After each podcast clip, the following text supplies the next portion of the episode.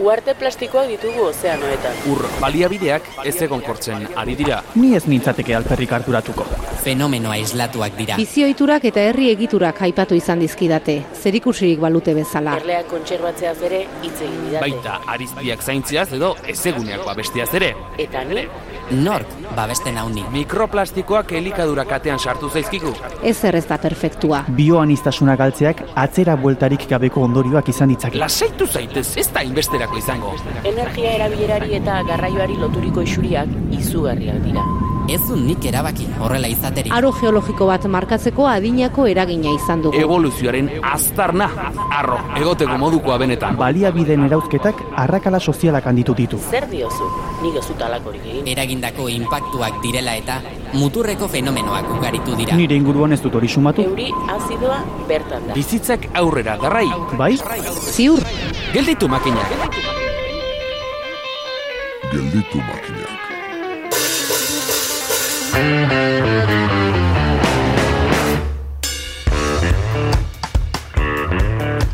Badira inpaktu batzuk bere alakoan antzematen direnak. Esaterako, etzaizu asko kostako fruitu lehorrei alergia dien batek intxaur bat janote duen igertzea. Kontrara, denbora geixiago behar izaten da inor jogan hasi zinenetik garatzen joandako malgutasunaz ohartzeko. Ez intxaur eta ez joga, gaurkoan klima aldaketak eta kudeak eta ereduek baso egituretan dituzten eraginak landuko ditugu, Julen Astigarraga geografo eta ekologoarekin. Ikerlariak multifuntzionalitateak, zuaitz espezieen aldaketa morfologikoak eta migrazioa ere ekarriko ditu gurera.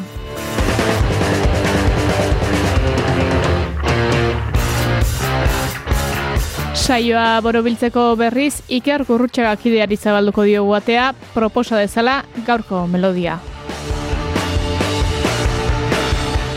Agenda hogeita bata zoroitzen zarete, ura pasa zen, baina gelditu makinak saioaren hirugarren denboraldiko hogeita bat garrena agendan sartzearla.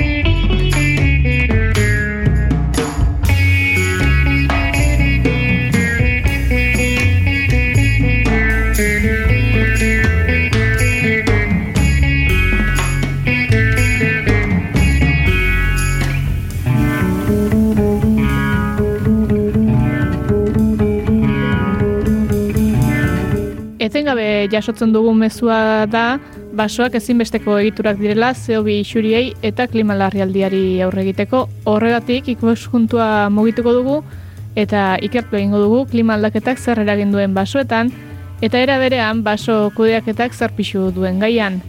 Eta ez dugu gure kasia egingo bide lagun izango dugu Julen Astigarraga ekologoa. Ongi etorri Julen. Ba, egunon. Tira, e, ekologia oso erabiltzen dugun kontzeptua da, baina badiki beren inabardurak ere eta basoen gaiari heltzeko agian merezi du oinarri pixka bat eraikitzeak, beraz hartuko dugu tartea eta ekologia hartzen badin badugu, zer da ekologia beraz zer nola definituko zenuke?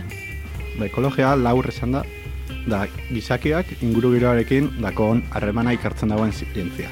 Hau da, edozein izaki biziunek e, da ingurugiroaren menpekoa. Eta orduan, existitzearen bakarrik ingurugiro hori eraldatu egiten dugu. Gertatzen ari dana, e, da gizakiak, justo, e, gure inteligentzia gaitasun altua dalata eta taldean bizi garenez, dakula almen izugarri bat ingurugiro hori eraldatzeko. Bai espazioan, mundu mailako aldaketak eragin ditzakegu, eta baiket denboran ere. Ez? Azken berreun urtetan eman diren aldaketa esponentzial horriek kasu. Eta aldaketa hauek, eragiten dagoena da, e, ekosistemen funtzionamentuan aldaketak, ez? Aldaketak eragin ditzake. Adibide batzuk jartzearen, nik hiru aipatuko nituzke, alde batetik aldaketa kimikoak, e, gure kasuan kutsadura izango litzatekena, beste alde batetik aldaketa biologikoak, ba, e, ekologiarekin lotuaz bioanistasunaren galera izango litzaketekena, eta hirugarren hanka, eta nik uste dut dala zientziaren aurkikuntza garrantzitsuenetako bat, da klima aldaketa. Izan ere e, ikusteko oso zaila da, eta denbora tarte luzean gertatzen den zerbait da. Eta hiru aldaketa hauek dira osatzen dutenak, bueno, ein handi batean osatzen dutenak aldaketa globala deritzona, ez? E, kutsadurari nola aurre egin gutxi gora bera badakigu, e, bianistasunaren galera oso garrantzitsua eta aurre egin beharreko zerbait, baina klima aldaketan zentratzen gara askotan izan ere klima aldaketa transbertsala da. Ez, e, bai, eragiten dio, bai, kutsadura eragin dio zeioke, eta baita, e, kasu honetan, espeziaen galerari. Hiru hanka bereizi dituzu, eta horietan denetan aldaketak ematen dira, aldaketa horiek dute eragile nagusirik? Bai, ira, adibidez, klima aldaketan zentratzen bagara, edo bian, bianistasunaren galeran, e, hau urteetan zehar, klimak e, badakigu, egon direla garai epelagoak eta garai hotzagoak, ez? Gertatzen ari dena dela, e, azkenengo berreun urteetan ikusten ari garen klima aldaketa e, esponentzialki azten ari den beroketa efektu hau, aurrekaririk gabe gertatzen ari dela gutxien ez azkenengo 2000 urtean, eta inoiz ez dela gertatu horren e, epe laburrean. Bueno, gure datuek e, diotenaren arabera. E, askotan zergatik, e, orduan zergatik da garrantzitsua ez. E, normalean, ez da bakarrik zenbat berotzen den, baizik eta zelako abiaduran. Adibidez, e, askotan e, analogia hori ere klimaldaketan jartzen da, ez? Tiro bat egiterakoan, bala bera baino, bala horren abiadura da e, hiltzen gaituena. Eta horrek hori da kezkatzen gaituena gaur egun. Hmm. Elduko diogu eta joango gara poliki ba, kezkatzen gaituen gaiari heltzen, baina horren aurretik basoen inguruan zentratuko ginela esan dugu, eta programa honetan basoa aipatzen den bakoitzean, badago horrelako izar bat edo asterisko bat agertzen da, basoa eta landak eta bereizi beharrarekin. Zugere garantzitsutza jotzen duzu hauela? Oso garrantzitsua. Mira, nik uste dut, lehenengo e, ulertu behar dugula zer den baso bat. Baso bat, da zuaitzez osatutako ekosistema bat, ez? Eguzki erradiazioa e, esposatzen direnean zuaitz horiek fotosintesiaren bidez, zeobia xurgatzen daue, eta e, sustarretatik ura. Zeobi eta ura e, horrek reakzio kimiko bat sortzen du, eta reakzio kimiko horren bidez sortzen da glukosa, karbohidrato bat, eta oksigenoa. Sustarretatik ura gora eramateko, e, zu, zu, imaginatu ezagun, zuaitzak igogaiu bezala, ez? Egin behar dutena dela ura, sustarretetik hartzen dutena, ostoetaraino eraman, bertan fotosintesia egiteko. Eta horrek, e, igoera hortan, zuaitza doa poliki-poliki, bere glukosarekin, glukosa hori asimilatzen eta bere egitura sortzen. Beraz, hemen, igogaiu, igogaiu motel, motel, beste dimentsio batzutan, ez? E, esan daigun, e, zuaitzen bizi txaropena, gu bizi garen artean, zuaitzazko gehienak ez direla hilko. Beraz, beste, beste dimentsio batzutan, eta mo, prozesu motel horretan, doa, e, kompletu, ekosistema hori doa komplexutasunean areagotzen. Beraz, e, komplexutasun hau ulertzea, ezinbestekoa da, Eta hori izango litzake e, laburra salduta zuaitzen e, zuaitzak nolako egitura duten. Altueran gora egitearen gakoetako bat, adibidez da e, foto, e, zuaitzak ezin diren ez mugitu, eta fotosintesirako erradiazioa, guzke erradiazioa behar dutenez, horregatik e, igotzen dira gora altueran, ez? Hori izango zen gutxi gora bera salduta zuaitzen biologia. Orduan, e, zure galderari erantzunaz, zu, basoak edo landaketak, basoak oso ekosistema komplexua dira, eta egun, e, basoen inguruan gauza asko dakizkigu, baina beste gauza asko ez. Adibide bat jartzearen. E, basoek guk aipatzen dugunean, guk askotan aipatzen dugu zientzi, zientzialariok basoak multifuntzionalak direla, ez? Eta horrek esangura, da- esangura duena da, basoek alde batetik e, gure iraganean atzera egiten badugu, ez? Lehenik eta behin egurra, e, egurra berotzeko, ez? E, e, lortzen genuen basoetatik, ondoren e, aberek bazkatzeko eremua ere bazuten, ostoa janez adibidez, ontzigintzarako ere Euskal Herrian historikoki erabili izan da, trenen, e, trenen trabiesak eta egiteko ere erabili izan da.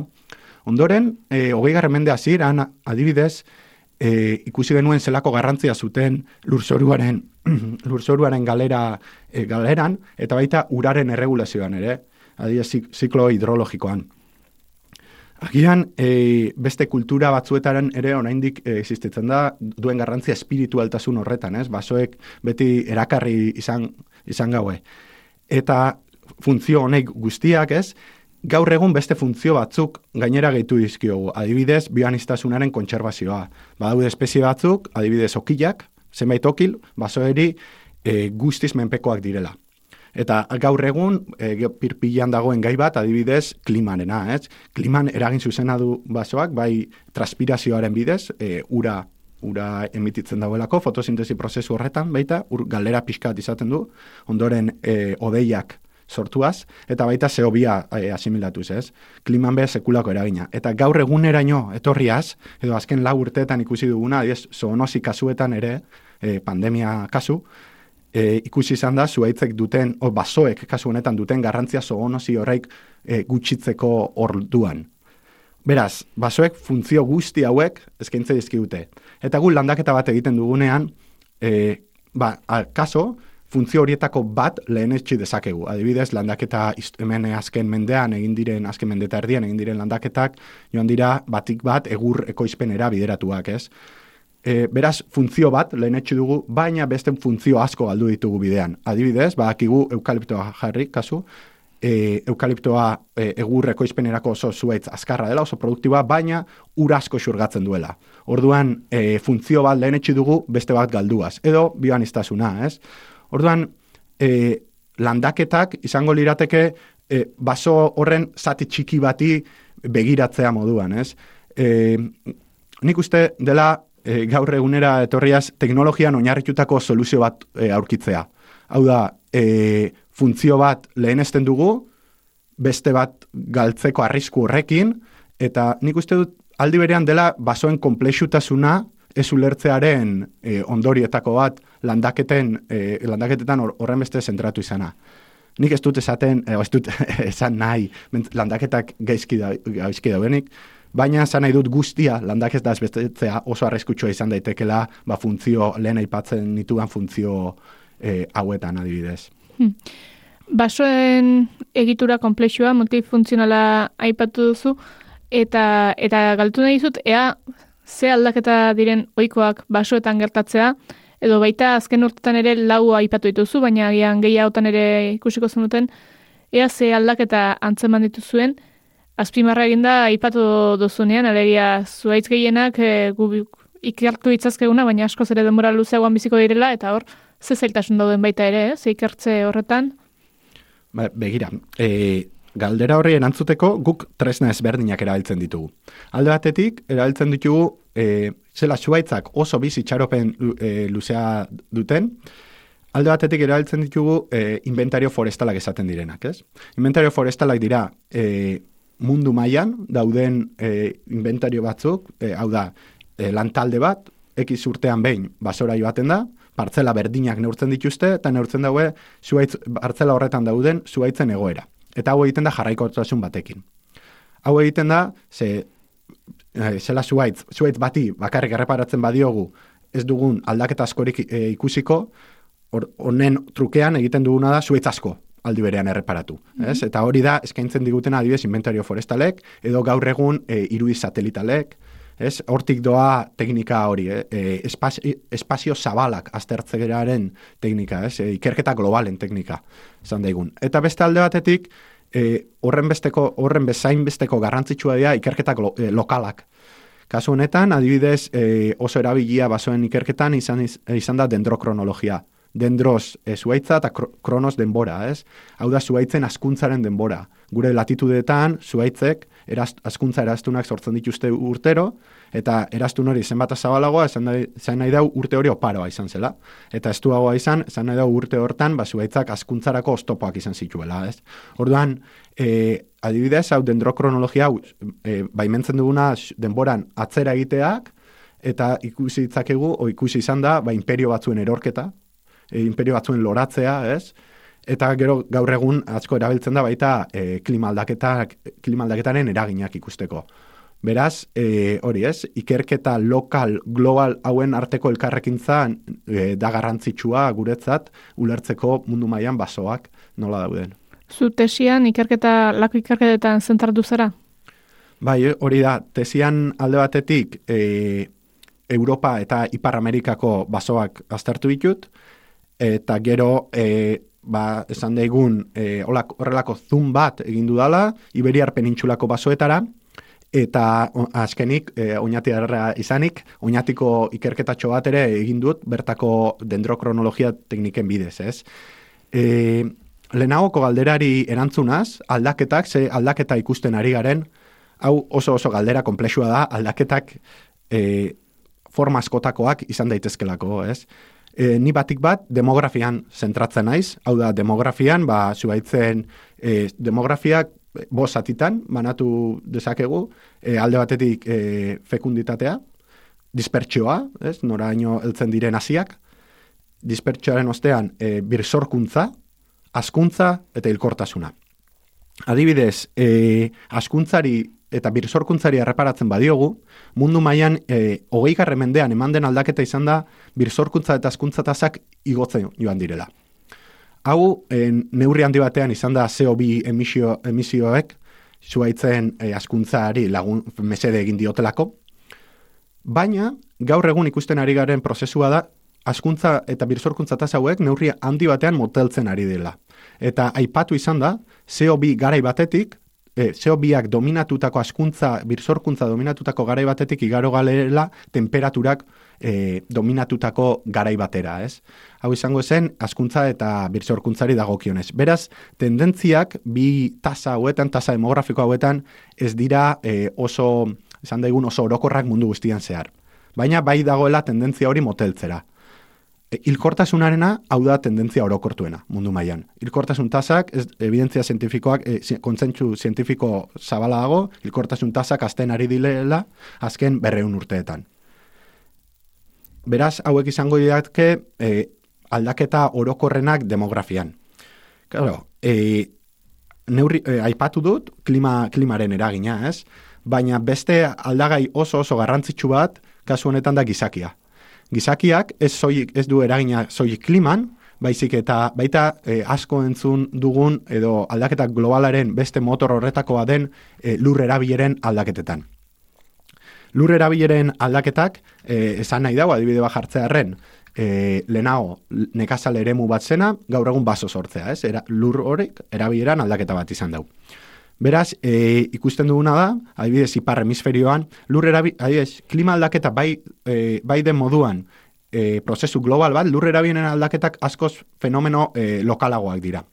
Ipar hemisferioan, e, batik bat Europan eta Ipar Amerikan ikusten duguna da geroz eta baso gehiago ditugula. Baso, e, lan, kasu honetan, baso eta landaketa biak, ez? Neurri handi baten, ba, e, lehenao, e, erabiltzen genituelako e, baso horrek e, ekoizpen baterako eta gertu eta asko soilduak izan zirelako. Eta gaur egun, ba, adibidez, e, papela, ba, beste, beste eremu batzuetatik ekartzen ditugulako. Beraz, basoekiko genuen e, kudeak eta horri moteldu egin da ein handi batean. Horrek erain dau, basoak geroz eta gehiago sortzea. Be, eta orduan eukiko dituzke bi, bi hanka hauek, klima aldaketa eta lur erabileretan aldaketak, demografian aldaketak erango dituztenak, ez, aipatu didan moduan, eta demografian aldaketa honek gizakiok beste e, kudeaketaren bidez, lur erabilera aldaketa horren bidez egin duguna, izan da e, egituran, basoen egituran aldaketak sortu ditugu, adibidez, e, gu landaketa bat egiten dugunean, e, dentsitate kopuru batean landatzen ditugu, ez? E, landatzen ditugu X individuo hektareako. Orduan, hor egiten ari garena da, egituran aldaketa bas horretan. Baita komposizioan. guk e, espezie bat hautatzen dugunean beste baten kaltetan, ba, e, landaketa horretan, eremu horretan, komposizioan aldaketa bat eragiten ari gara. Eta baita distribuzioan ere. Adibidez, insignis pinuaren kasuan, ez? E, estatu batuetatik ona ekarri genuela. Beraz, gizakiok eragin ditugu aldaketa horiek Eta horregatik da eko, ekologia horren komplexua, ez? Neurri handi batean daukagu eragin zuzena, gizakiok nesku hartzen bidez, eta beste batean eragin, e, esan daigun, ez zuzena klima aldaketaren bidez. Gertatzen dena da, eragin guzti hauek, eragiten ari dena da, adibidez, e, egiturazko e, geroz eta dentsitate gehiago zartu ditugunez, horrek eragiten dagoena da, hilkortasun tasak areagotzea. Orduan, era, e, behira, behira ze, ze polita den hau, ez? Guk eragiten duguna da, il, e, demografian aldaketa bat eragin dugu, la, egituran aldaketa bat eragin duena, eta egitura horrek berriz ere demografian aldaketa bat eragingo du. Hor sortzen den da horrelako e, gurpil bat, horrelako sorgin gurpil bat, eta gainera sorgin gurpil hori denboran gure ikerketek erakusten dute ez dela egonkorra. Hau da, e, gurpilaren abiadura, ilkortasun tasen abiadura azten ari dela denboran zehar.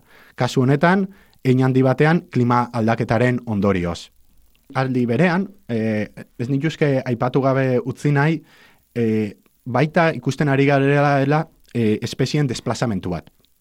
E, hau, gure, e, oraintxe ari gara aztertzen, ipar hemisferioko e, zuaitzen datuak erabiliaz, eta e, orain arteko evidentziek irakusten dute horren beste datu aztertzean, ez da erraiza izaten, patroi lortzea, baina evidentziek bai irakusten dute dagoela tendentzia bat poloetaraino migratzeko espezieek, ez? E, izan ere, ba, klima aldaketa, gero, lehenao, e, adibidez, e, temperatura hotzak e, mugatu egiten bat zuten distribuzioa ipar latitudeetan, ipar hemisferioan egonez gero, gaur egun, temperaturen areagotze horrek, e, eragiten ari dena da, distribuzioak espezieetan iparralderuntz mugitzea. Eta hori ere ematen ari den prozesu bada.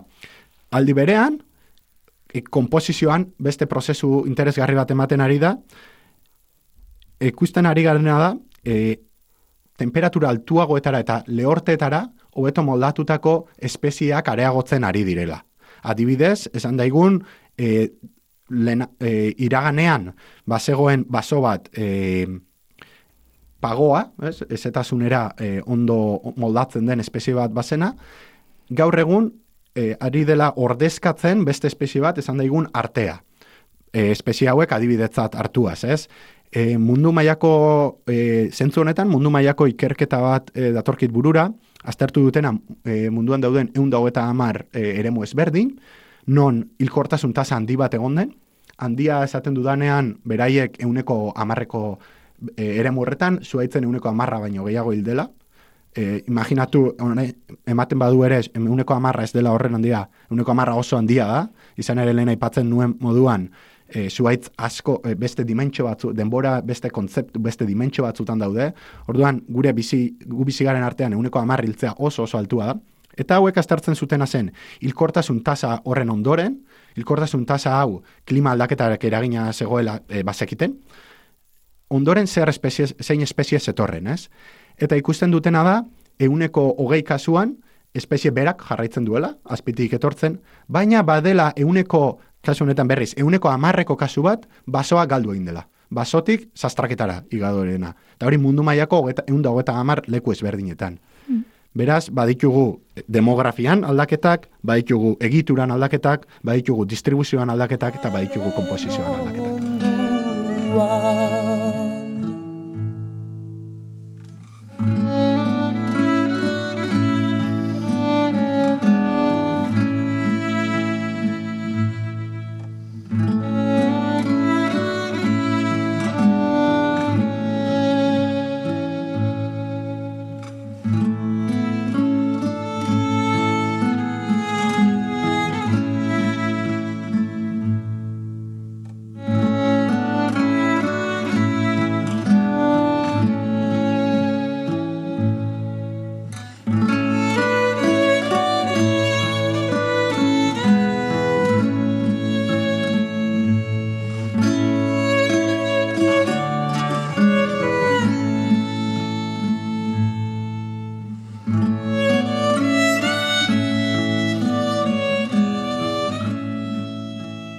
Ari gara pixka bat, e, eragin luzeko impactu ez edo ez, ba, klimak eragiten duenak, eta hor ez dira hain eragin puntualak, baizik eta denboran zehar luzatzen direnak, eta puntualak diren horiek, demagun adibide bat jartzeagatik, eh? baina iazko udan lehorte eta berote handi xamarrak izan ziren horretan, horiek antzematen dira baso egituretan, edo hain puntualak izaki eta e, egiturak biziluzeagokoak izaki ez dute hain besteko nabarmenik, hori antzematen da?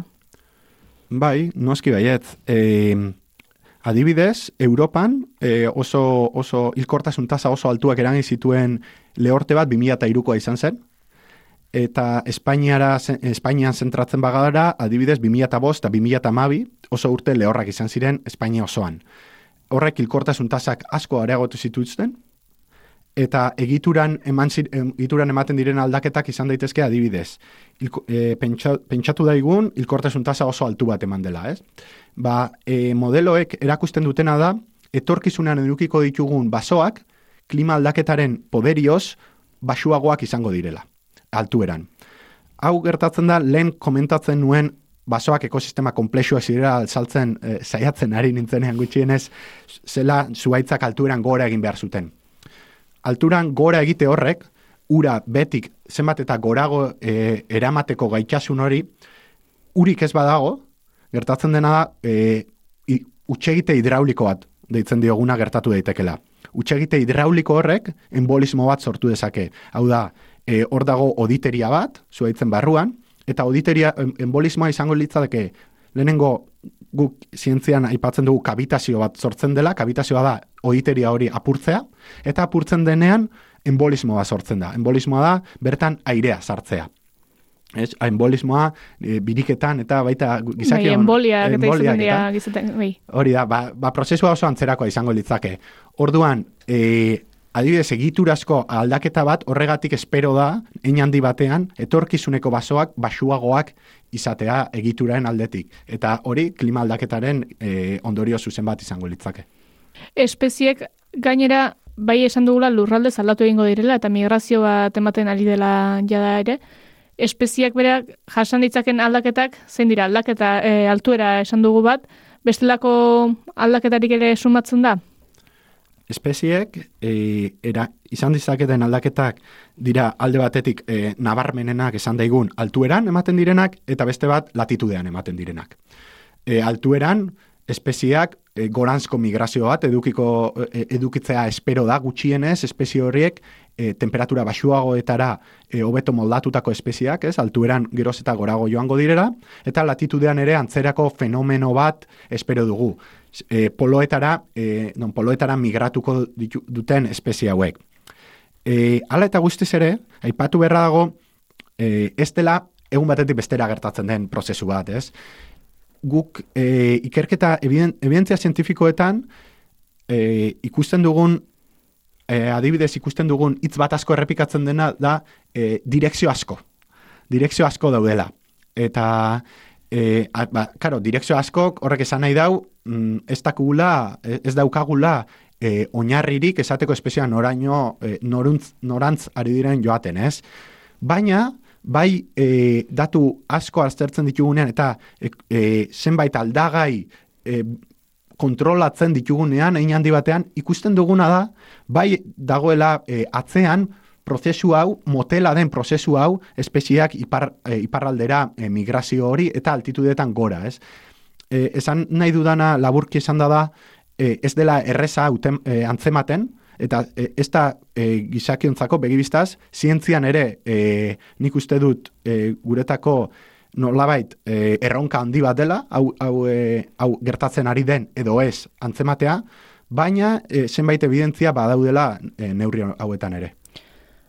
Gertatzen ari den edo ez, baina gero kudeaketak eta ikartu dituzue baita ere, beraz, iraupena, basoen iraupenari eta ekosistemari begira, ze kudeak eta mota ikusten dituzu interesgarri edo lehenesteko modukoak?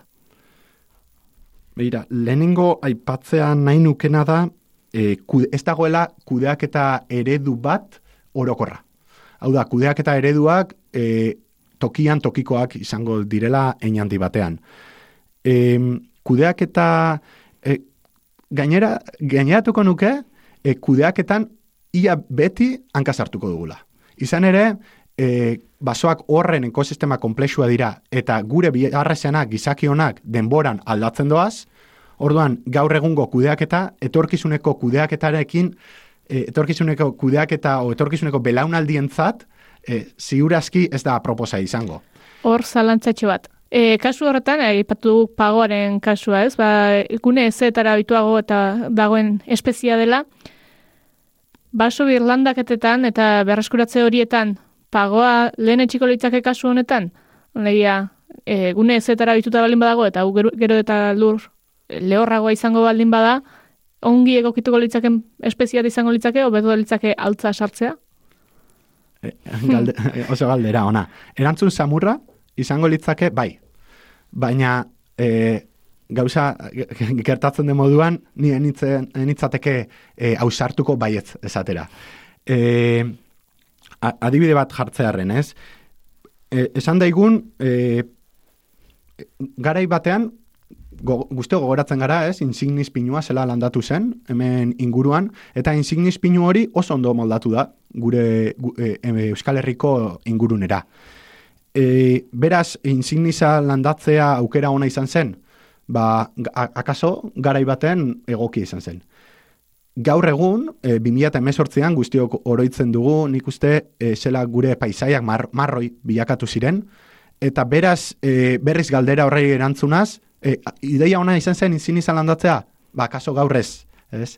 E, beraz, espezie bat, e, espezie bati mesede egitea beste baten kaltetan, espezia mugitza aldete batetik bestera, nik uste hori egin aurretik, ondo-ondo ikertu beharreko e, ikertu beharreko kontzeptuak e, e, edo erronkak direla, ez?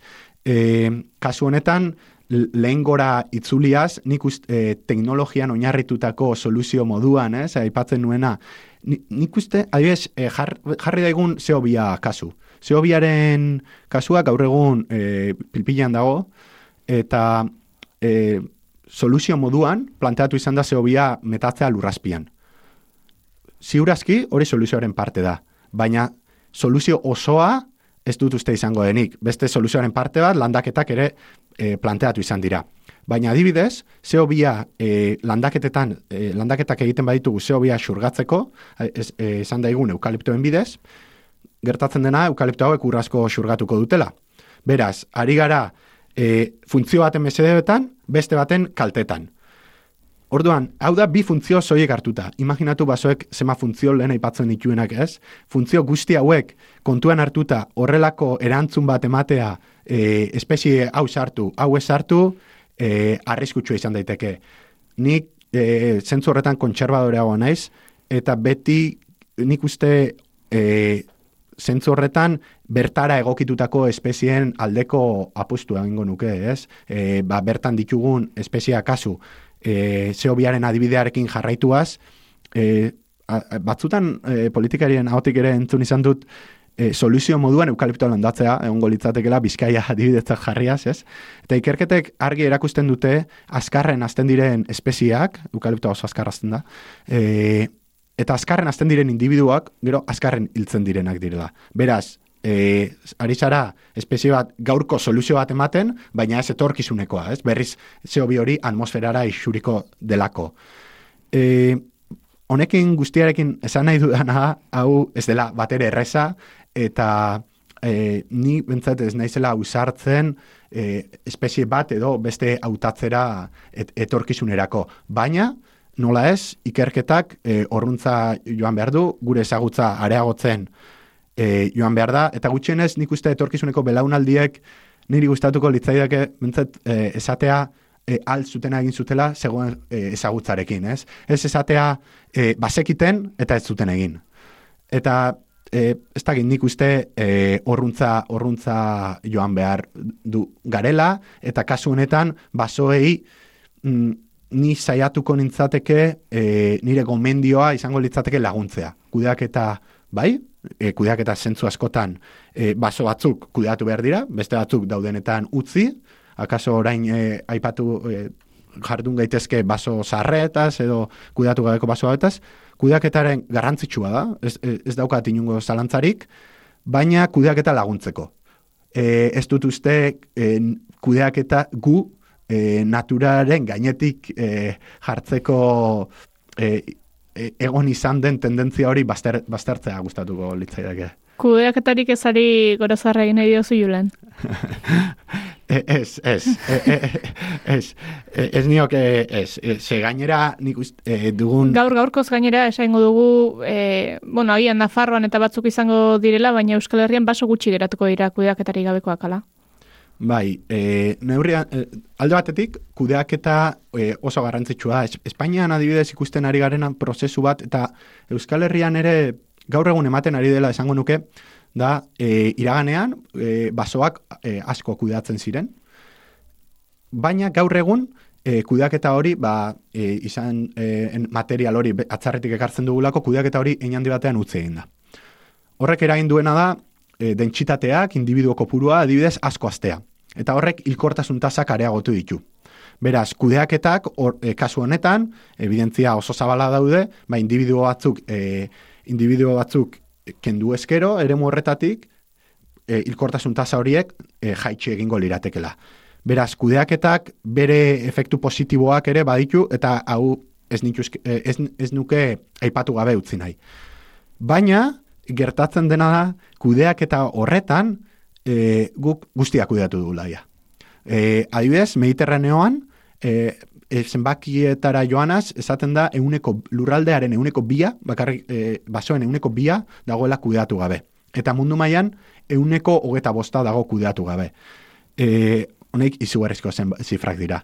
Eta lehen e, basoen funtzio anitz horieta, horietaz guztiaz e, horietaz aritu garenean, ez, e, kudeaketa hauek, ba, funtzio batzu lehen etxi dituzte, beste batzun kaltetan, eta nik uste e, badela garaia beste funtzio horiek ere berreskuratzeko. Eta horregatik nik uste dut e, Euskal Herrian baso politika, benetako baso politika baten beharrean gaudela, non funtzio horrek berez, be- horiek berezkuratuko diren, eta baso zaharrek, e, baso zaharren garrantzia ere azpimarratuko dugun, eta e, beraien presentzia gure artean. Baso, baso zahar bat nola definituko zenuke? Zen- Ze ezaugarri izango liztuzke? Galdera hori, e, gaur egun gure artean ere plantea, zientzia, zientzialariok ere planteatzen dugun e, galdera bada, eta e, ez dut uste kontsentsua dagoenik. E, e, ez, ez dut esaten txarrera e, ez honea, gaur gaurkoz ez daukagu, nik uste ez daukagula nahikoa evidentzia, ez? E, zenbaki batzuk, batzuk e, mundu mailako ikerketak e, aztertzean, eunda berrogei urte botatzen dute, baina, karo, eunda berrogei urte espeziaren oso araberakoa da. Orduan, e, beste, beste batzuk, e, neurtu dituzte, e, baso sarretan egon daitezken, e, egon daitezken e, fu- mm, egitura batzuk, espezie batzuk, beste e, baso gazteetan ez daudenak. E, adibidez, e, esan daigun, e, adin ezberdinetako zuaitzak, e, egotea, tamaina ezberdinetako zuaitzak egotea, egurria egotea, badaude zenbat indikatzaile zenbat adierazle baso zar baten e, egitura adieraz diezagutenak, baina e, e- ez da horren erreza, ez da horren erreza. Guk adibidez, e, edo zientzial, e, erabiltzen duguna da e, aspaldi esarritako basoak eta berriki esarritako basoen e, kontzeptuak ere, ez? Kontzeptuak askotan garrantzitsua baitira. E, kasu honetan, e, ez hartzearren e, eztabaida hor- horretan, ez? E, Claro, aspaldi esarri guk e, adibidea jartzearren, ez? Gure emaitzek, oinatiko emaitzek, oinatin ikerketatxo hori egin dugu, eta ikusten duguna da, e, aspaldi esarritako basoek, kasu honetan, mila behatzeun eta berro eta bost aurretik esarritako basoak, aztertu duguna da, klima aldaketaren aurrean, e, nola erantzuten duten, ez? E, beraien, az, e, beraien sinkronia zenbatekoa den. Hau da, sinkronia e, aipatzen dudanean, e, joan gaitezen e, COVID-era, pandemiara, eta pentsatu dezagun gizaki guztiok berdin erantzuten dugula. Oso sinkronia altua dugula, ez, COVID-aren aurrean. Hori ona edo txarra izango litzadeke, ba, garai honetan oso ona. Ze dainok osasuntxo ongo egiateke, baina garai txarretan oso txarra, deno eixotoko bai ginateke ez. Guk aztertu duguna da, hori baso kudeak eta baso e, adinaren arabera, eta baso kudeaketaren arabera nola aldatzen den. Sinkronia hau, beraien klima aldaketarekiko erantzuna. Eta ikusten duguna da, baso zarrek, askoz ere erantzun asinkronoagoa dituztela. Hau da, erantzun ezberdinagoak. E, gu, guk, e, gure maitzak diotenaren arabera, hau da, batik bat, e, oinatiko kasuan, e, adin, adin eta tamaina ezberdinetako zuaitzak e, ditugulako. Ba, zuaitz gazteek e, erabatera erantzuten dute, eta zaharrek beste ba- erabatera.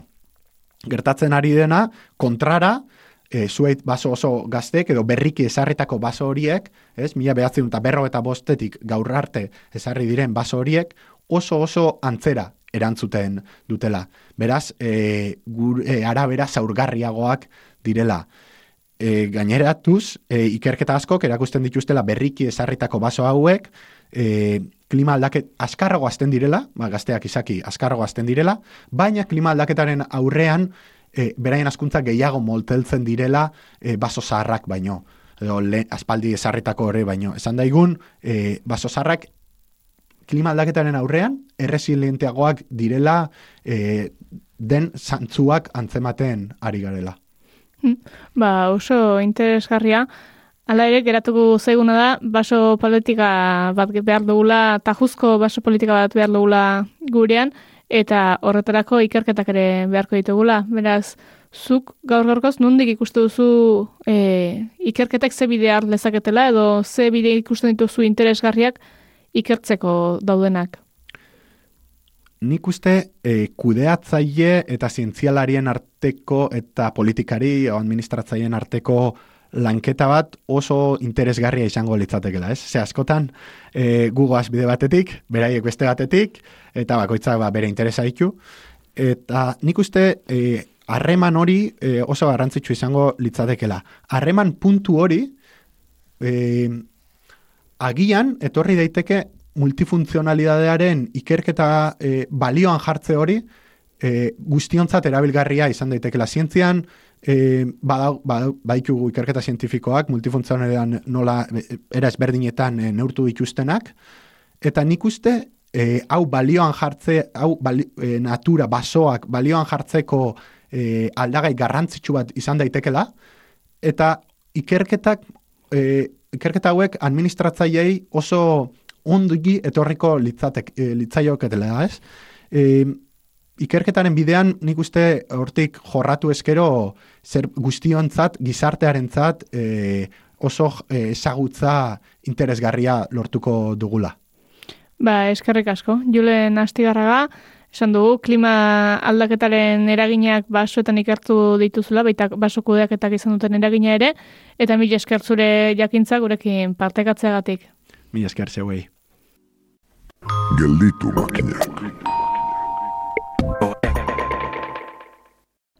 Eskapatu nahian igual izango zen, baina ez harrapatu egin dugu eta hemen eseriarazi dugu musika pilula tokatzen zaielako, Iker Gurrutxagari, Arratxaldeon. Kaixo, arratsaldeon.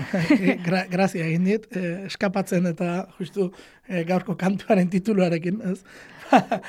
Badelako. justu. Ari zara aurreratzen, ja berriz ere amua botatzen entzuleari. Bai, bai, saiatzen naiz. Gainera hori egite gustoko gustoko duz, eh, entzulea ere aktibatu edo edo jolasean jarri dezakegulako. Eh, bueno, akaso kantu honetan ez dugu eh, eh, gai ekosozialik bere horretan ekarri, baina nik uste dut eh, ba, ez pairi gabe lotura zuzena duela. Eh, askotan aurrerapenak, eh, bueno, ez? edo kapitalismoak. Ba, ba lotura iza- izaten duelako, eta bueno, diskoaren azalak berak ere, kantuaren diskoaren azalak berak ere, zo ikusten dugulako, arrain handi bat, arrain txiki bat jaten. Eta arrain handi bat txiki bat jaten, ba, bueno, ba, bakigu zer datorren horren atzatik ez da. Eta baten batzuk ja identifikatu izango dute ze Bai. disko zari zaren. Bai, nik uste dut, bai, ez berritxarreken libre diskoa zari gara, 2002ko diskoa, eta horrez, ba, nola esaten duen, ez, ondokoak baino mugikor txikiago bat, ondokoak baino kotxe azkarago bat, ondokoak baino modelo berriago bat, ez, e, bueno, hori esaten du, e, bueno, beste emate guztien artea, ba hori ez, e, kontsumoa, kontsumoa, kontsumoa, kontsumoa eta kontsumoa, ez, eta kontsumoak, ba, horregatik esaten dut, ez, ba, ba kaso zuzenean ez, baina ez bat ez esaten denez, e, alden gutxiena kontsumitu, e, batez ere, ez, lehen gaiak eta horrelako kontuak, ba, mugatuak ditugulako, ez, ezkerrela, kordatzen askotan. Eta gero, Ba, hor esaten du ez, e, askezareten libre ez duen kaiola erraldoietan, alegia, e, mua, eta gero bukeran mundua horretan dagoela, ez? Eta ba, guk ez dugu ez raportu, bueno, guk ez dugu ez raportu hori, ez? Ja zalantza garriagoa da, eta gero esaten du ez, e, hori, e, euriari du, baina guk ez dakigun ork, eta izea serre dago, baina ez dakigun horekin, eta itxaso ere aserre, e, itxaso ere aserre dago. E, nik uste dut hor, badagoela beste atzeko mezu bat, hau da, kontsumoaren e, guztiak amalurra aserratu dezake, eta amalurrak bueltan emango digu bere aserreak guk berari kalte egiten badiogu, ez? Piskat, lotura hori eginaz, ba horregatik ekarri nahi izan du kantu hau. Eta ekarri duzun ezkero, jarri egingo dugu eta Hori da. entzuna izan da daila, bertxarrak taldearen libre.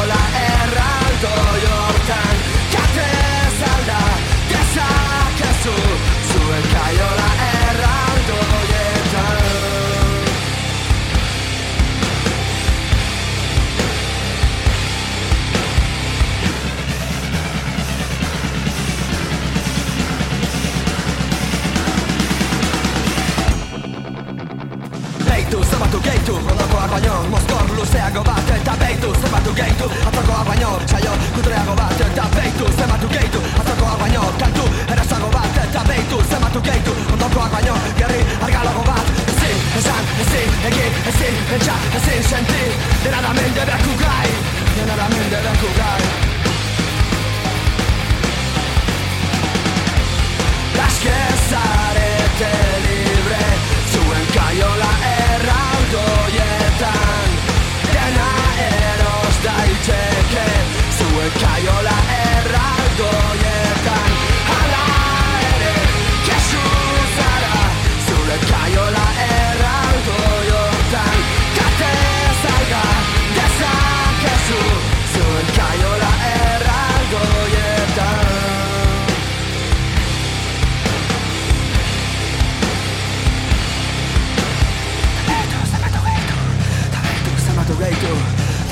zenbatu gehitu Ta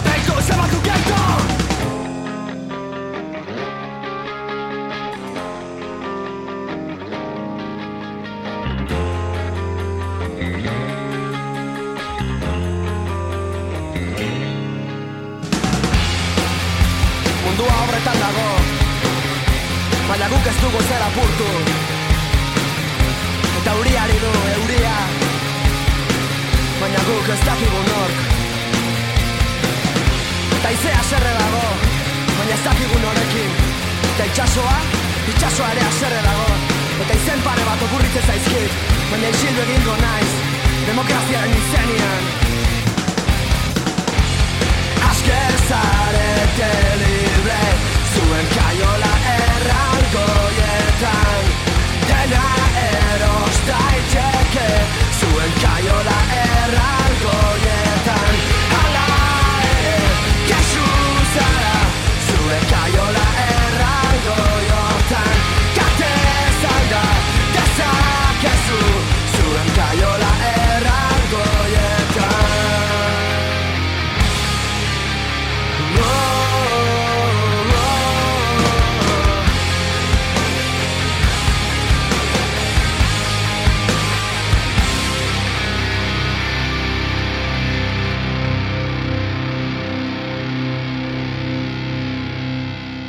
sumatu zaitu kantua zebilen bitartean haupeka kantarik er. bai, klasiko bat, ez. Nik uste dut hori ere. Ba, ez de, kasu honetan ere ez dela bakarra izango. Besteren batean kasu izango nintzen bakarrak kantu ezagutuko zuena, baina kasu honetan ez dituzte. Ba, letra dakigun ezkero, ea, entzun ere egiten dugun. Eskarrik asko eta hurrengo arte iker. Hurrengo arte, jo. Eli pagolarekin geldituko dituzu makinak naiz irratian.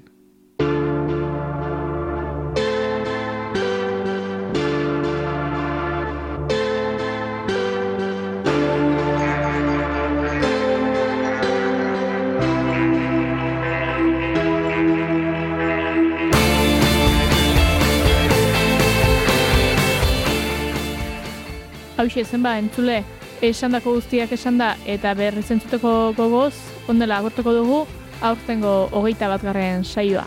Ongi izan eta lastarrarte.